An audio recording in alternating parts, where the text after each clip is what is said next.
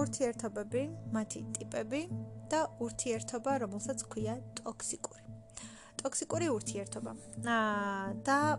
ბოლო დროს მასე ხშირად საუბრობენ, ხშირად ახსენებენ, ხშირად ამბობენ, რომ ძალიან ცუდია. მაგრამ ვთვლი, რომ ხანდახან ძალიან ბევრ ურთიერთობას, რომელზეც ამბობენ, რომ ეს ურთიერთობა არის ტოქსიკური, უბრალოდ განიხილავს მესამე თვალი და ხედავს, ასე ვთქვათ, მესამე თვალი შორიდან და ცოტათი მიკერძოებულად და მხოლოდ მისი გადმოსახედიდან, რომ ეს არის ტოქსიკური ურთიერთობა. იმიტომ რომ მას არ მოსწონს ან მისთვის არ არის მისაღები. მე კიდევ მგონია რომ ხანდახან ურთიერთობაში ვერ გაიგებ ეს ურთიერთობა არის თუ არა ტოქსიკური, იმიტომ რომ არ ვიცით იმ ადამიანს რა სჭირდება. არ ვიცით ზუსტად იმ ადამიანს რა უნდა. არ ვიცით იმ ადამიანისთვის რა არის კარგი და იმ ადამიანისთვის რა არის ყველაზე მეტად მისაღები ან სასურველი, რომელი სცენარი არის მისაღები და ვის რა სჭირდება ურთიერთობაში. თუ მხოლოდ ტოქსიკურ ურთიერთობად განვიხილავთ იმას, სადაც ორი ადამიანი ერთმანეთზე არის ძალიან დამოკიდებული, ან დამოკიდებული იმ კუთხით, რომ სულ ერთად უნდა ყოფნან, სულ უნდათ რომ ერთმანეთი ნახონ, ერთმანეთის გარდა სხვას ვერაფერს ვერ ხედავენ, ამას შეიძლება ბოლომდე ასე ტოქსიკური ურთიერთობა არ და ვერ დავარქოთ, იმიტომ რომ ეს პერიოდიც არის რაღაც პერიოდი, ხომ? როდესაც მთლიანად მოცული და შეპყრობილი ხარ იმ ადამიანით და მე აუცილებლად თვითონ ცხოვრება დაალაგებს რაღაც გარკვეულ მოვლენებს და სიტუაციებს ისე, როდესაც ჩვენ მოგიწევს, რომ სხვაგანაც გაიხედო და სხვა რაღაცებიც აკეთო. თავად ცხოვრება არის ასეთი და მუდმივად ერთ რაღაცაში ვერც გაჩერდები. თუნდაც იმიტომ რომ რაღაცა დაგჭირდება, ის დაგჭირდება, ეს დაგჭირდება სამსახური იქნება, რაღაცა იქნება და მუდმივად ერთ პატარა რაღაცაში ვერ იქნები, თუმცა ეს მუდმივად გინდოდეს იმ ადამიანთან ყოფნა, მისი სიახლოვე, მასთან ლაპარაკი, რაღაცების გაზიარება და მის გარდა ვერავის ვერ ხედავდე და ამჩნევდე, ეს უფრო მეტად შეიძლება იყოს შეყვარებულობა, ვიდრე ტოქსიკური ურთიერთობა, თუმცა ოდნავ პატარა დამოკიდებულებაც კი ადამიანზე და მიჯაჭვა და უკვე ამ ყოველფერს ეძახიან ტოქსიკურს. პირადად ჩემთვის ტოქსიკური ურთიერთობა არის ის, რომელიც საშინელ და დამანგრეველ შედეგებს მოიტანს და ტოქსიკური არის ის ურთიერთობა, რომელიც რაღაც ვიღაცის ცხოვრების დაანგრევას გულისხმობს, რომ ერთმა ადამიანმა მეორე ადამიანს დაუნგრია,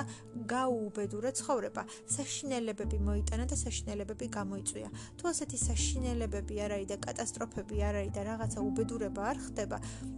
შეიძლება რომ იმ ადამიანებს ეს ურთიერთობა და ასეთი ურთიერთობის ტიპი თუ სახე თუ ასე ვთქვათ, რა ვიცი, რაღაც ძალიან მოსწონდეთ და მათთვის ეს მისაღები ფორმა იყოს. აქედან გამომდინარე, ცოტათი რთულია ნებისმიერ ურთიერთობაზე თქვა, რომ ეს ტოქსიკურია. ის რაც ერთისთვის არის მიუღებელი, შეიძლება მეორე ადამიანისთვის იყოს მისაღები. რა თქმა უნდა, ისიც საგულისხმოა, რომ რა თქმა უნდა, ტოქსიკური ურთიერთობები არსებობს და რაღაც არის ალბათ რაღაც ზღვარი რაღაც დოზა არის მიხედვითაც და რის შემდეგაც უკვე ეს ყველაფერი მართლაც ძალიან ტოქსიკურში გადადის, მაგრამ იმასაც რომ ასე ვთქვათ, დამოკიდებულებასაც კი თუ განვიხილავთ, გააჩნია რამდენად დამოკიდებული ხარ იმ ადამიანზე. თუ ეს დამოკიდებულება შენთვის სასიკეთოა და ბევრი კარგი რამ მოაქვს, სულაც არ არის ამაში კატასტროფა რაიმე, მაგრამ ეს დამოკიდებულება არ უნდა გულისხმობდეს იმას, რა თქმა უნდა, რომ შენ იმის იქით დამოუკიდებლად და მარტო საერთოდ არაფრის გაკეთება არ შეგეძლოს, მაგრამ თუ უბრალოდ ის ადამიანი შენ გვერდით არის და გეხმარება მხარში გიდგას, აქ საშინელებას ვერაფერს ვერ ხედავ. მოკლედ, ყველაფერი შეიძლება რომ გადავიყვანოთ ძალიან ნეგატივისკენ და ყველაფერი შეიძლება რომ მოვუძებნოთ ასევე პოზიტივიც. უბრალოდ ტოქსიკური ურთიერთობების განხილვა თუ განვიხილავთ, რა თქმა უნდა, იმ კუთხით, რომ აი დამოკიდებული არის ერთი ადამიანი მეორეზე და საკუთარი თავი არ გააჩნია, საკუთარი თავი, რა თქმა უნდა, არასოდეს არ უნდა დაკარგო. ეს არც ერთ ურთიერთობაში არ არის მისაღები, იმიტომ რომ ჯერ უნდა იყოს შენ პიროვნება, ინდივიდი, ჩამო გამოყალიბებული და უნდა იყო გამორჩეული, განსხვავებული და რაღაცა შენი გაგაჩნდეს, თუნდაც იმისათვის, რომ მეორე ადამიანმა შეგიყვაროს, მიგიღოს, მოეწონო და შემდეგ უნდა იყოს სხვა რაღაცები. აქედან გამომდინარე, საკუთარ თავთან მარტო დარჩენაც არის ერთ-ერთი ძალიან კარგი რამ, რაც ასევე უნდა მოგწონდეს, გიყვარდეს, გინდოდეს, იმიტომ რომ ხანდახან საკუთარ თავთან მარტო დარჩენა ეს არის აუცილებელი რამ. აქედან გამომდინარე, პირველ რიგში უნდა შევიყვაროთ საკუთარი თავები, უნდა მივიღოთ საკუთარი თავები, უნდა გვიყვარდეს, უნდა ვაფასებდეთ, შემდეგ უნდა იყოს სხვა ადამიანის მოთხოვნილება ჩვენ ცხოვრებაში, რომ აი მე რომ ასეთი ვარ, მინდა რომ ასეთი ვუყვარდი, ასეთი მოვწონდე, ასეთი ვიყო მისთვისაც მისაღები და უბრალოდ მე უკვე გვიყვარდეს ამ ყოველფრის სხვა ადამიანთან გაზიარება, მაგრამ ხანდახან გვიყვარდეს და მოგწონდეს საკუთარ თავთან მარტო დარჩენა. თუნდაც იმისათვის, რომ ან წავიკითხო ვიკითხოთ, ან რაღაცას ვუყუროთ, განვითარდეთ, რაღაც უფრო მეტი შევიძინოთ, რომ უფრო მეტად კარგები გავხდეთ, თუნდაც იმისათვის, რომ შემდეგ იმ ადამიანს კიდევ უფრო მეტად მოვეწონოთ, დაგვაფასოს, კიდევ უფრო მეტად ვუყვარდეთ. და კიდევ არის ის ალბათ, რომ ბოლომდე დამოკიდებულება ალბათ საბოლოოდ არ არსებობს, იმიტომ რომ რაღაც პერიოდი ან რაღაც წილი ადამიანს ყოველთვის უნდა რომ იყოს იყოს თავისთვის და იყოს საკუთარ სივრცეში. საკუთარ თავში აღმოჩენების გაკეთება ეს არის ერთ-ერთი უმნიშვნელოვანესი და ეს არის ის, რაც ძალიან უნდა გიყვარდეს. და არ ვიცი, უბრალოდ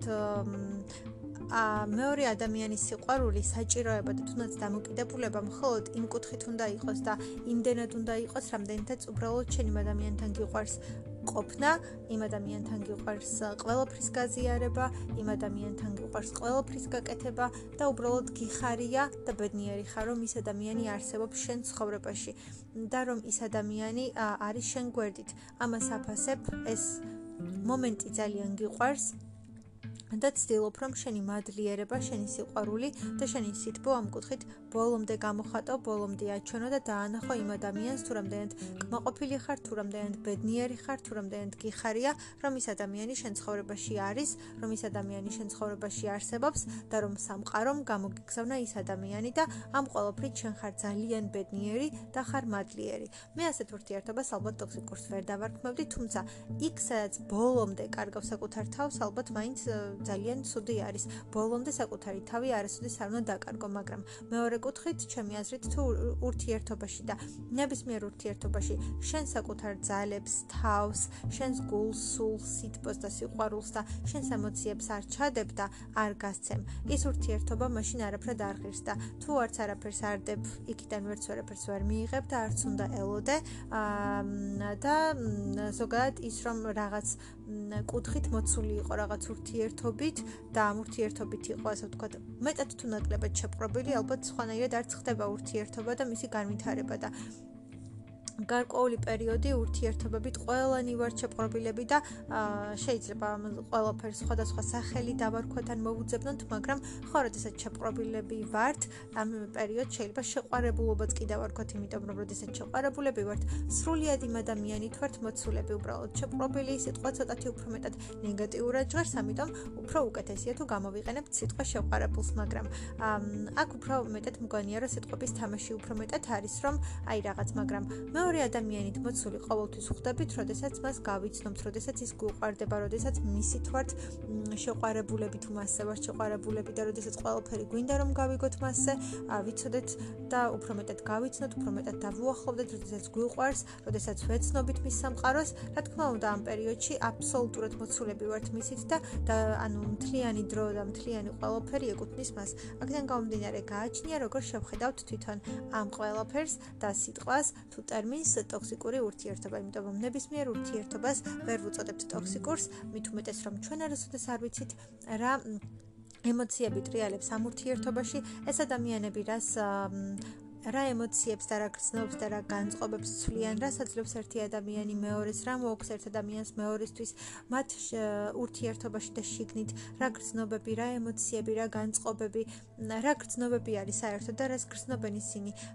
როგორ უყვართ, რანაირად უყვართ, როგორ არიან, რა აკავშირებთ, რა საერთო აქვთ. ამას ალბათ მესამე პირი ვერასოდეს ვერ გაიგებს და მესამე თვალს და შორიდან ყოველთვის შეუძლია რომ ნეგატიურად ან პოზიტიურად შეაფასოს მოვლენები, ამიტომაც მე მგონი მგონია რომ ურთიერთობაში რა და როგორ არის, რა და როგორ ხდება, ამას ვერასოდეს ვერ დაადგენს ბოლომდე და ვერ გაიგებს მესამე ადამიანი და ასე ვთქვათ მესამე თვალი. ამიტომაც ორ ადამიანს უფრო მეტად უნდა ვაცოდოთ ხოლმე რომ გაერკვნენ საკუთარ ურთიერთობაში, საკუთარ გრძნობებში, საკუთარ განწყობებში, თვითონ მიიღონ გადაწყვეტილება და ალბათ ძალიან ცუდია რომ მესამე ადამიანმა და garaშე პირმა რომელიმე ურთიერთობას მიაკეროს ასეთი თაგები რომ აი ეს ტოქსიკურია, ან ისეთი ან ასეთია. ის ორი ადამიანი ალბათ ყველაზე მეტად გრძნობს რა არის და რა სჭირდებათ ამ ურთიერთობაში და ამ ურთიერთობისგან და კიდევ თუ მართლაც არ ვხედავთ იმას რომ ეს ურთიერთობა რომელიმე მათგანისათვის მართლაც დამანგრეველია და საშინელ შედეგებს მოუტანს და მართლაც დაუნგრევს და გაუნადგურებს ცხოვრებას და კატასტროფას გამოიწვევს ალბათ თუ ასეთ რაიმეს ვერ ხედავთ და ამას თვალნათლივ და მთელი ფაქტებით და ყველაფრით ვერ ხედავთ და ზუსტად არ ვიცით რომ ეს ამ ყველაფერს მოიტანს, ალბათ მაშინ ცუდი ცუდია თუ ზედმეტად ვერევით და თუ ზედმეტად რაღაცებს ვლაპარაკობთ ან განვიხილავთ ან ყოველ შემთხვევაში რაღაც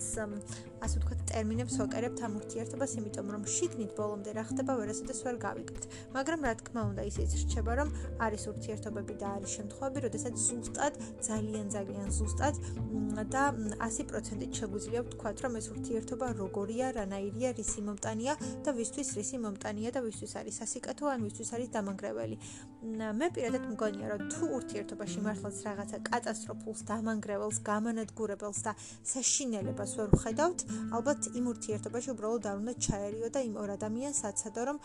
გაერკვეს საკუთარ ემოციებში, გრძნობებში და ურთიერთობებში და უბრალოდ შეიძლება მათ ეს ურთიერთობა და მათ ეს ურთიერთობის ტიპი ყველაზე მეტად მოსწონთ და ნებისმიერ შემთხვევაში ორივე მათგანმა შემდეგი ურთიერთობაც ასეთი ნახოს, ასეთი იპოვოს და ასეთი ურთიერთობა აწყოს, იმიტომ რომ ეს არის მისი სტილი, ტიპი და მოთხოვნილება. აქედან გამომდინარე, მე მგონია, რომ რაღაცებს ბოლომდე ვერასოდეს ვერ გავიგებთ, თუ ეს ძალიან ძალიან ესეთი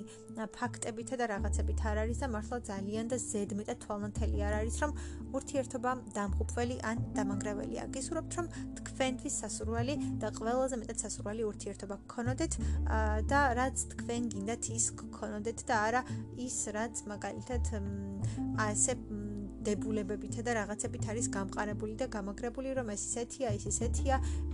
ყველასთვის რაღაცა სხვადასხვანაირია და გააჩნია ადამიანს, გააჩნია მის ხასიათს, მის გრძნობებს, ემოციებს, განწყობებს და ხასიათს, ამიტომაც ყველასთვის ყველაფერი ძალიან ძალიან სხვადასხვანაირია. აქთან გამომდინარე, ერთი ადამიანი ბოლომდე ვერასოდეს ვერ გაიგებს მეორე ადამიანის გრძნობებს და განწყობებს. ეს ძალიან ძალიან რთულია. ამიტომაც ალბათ ყველამ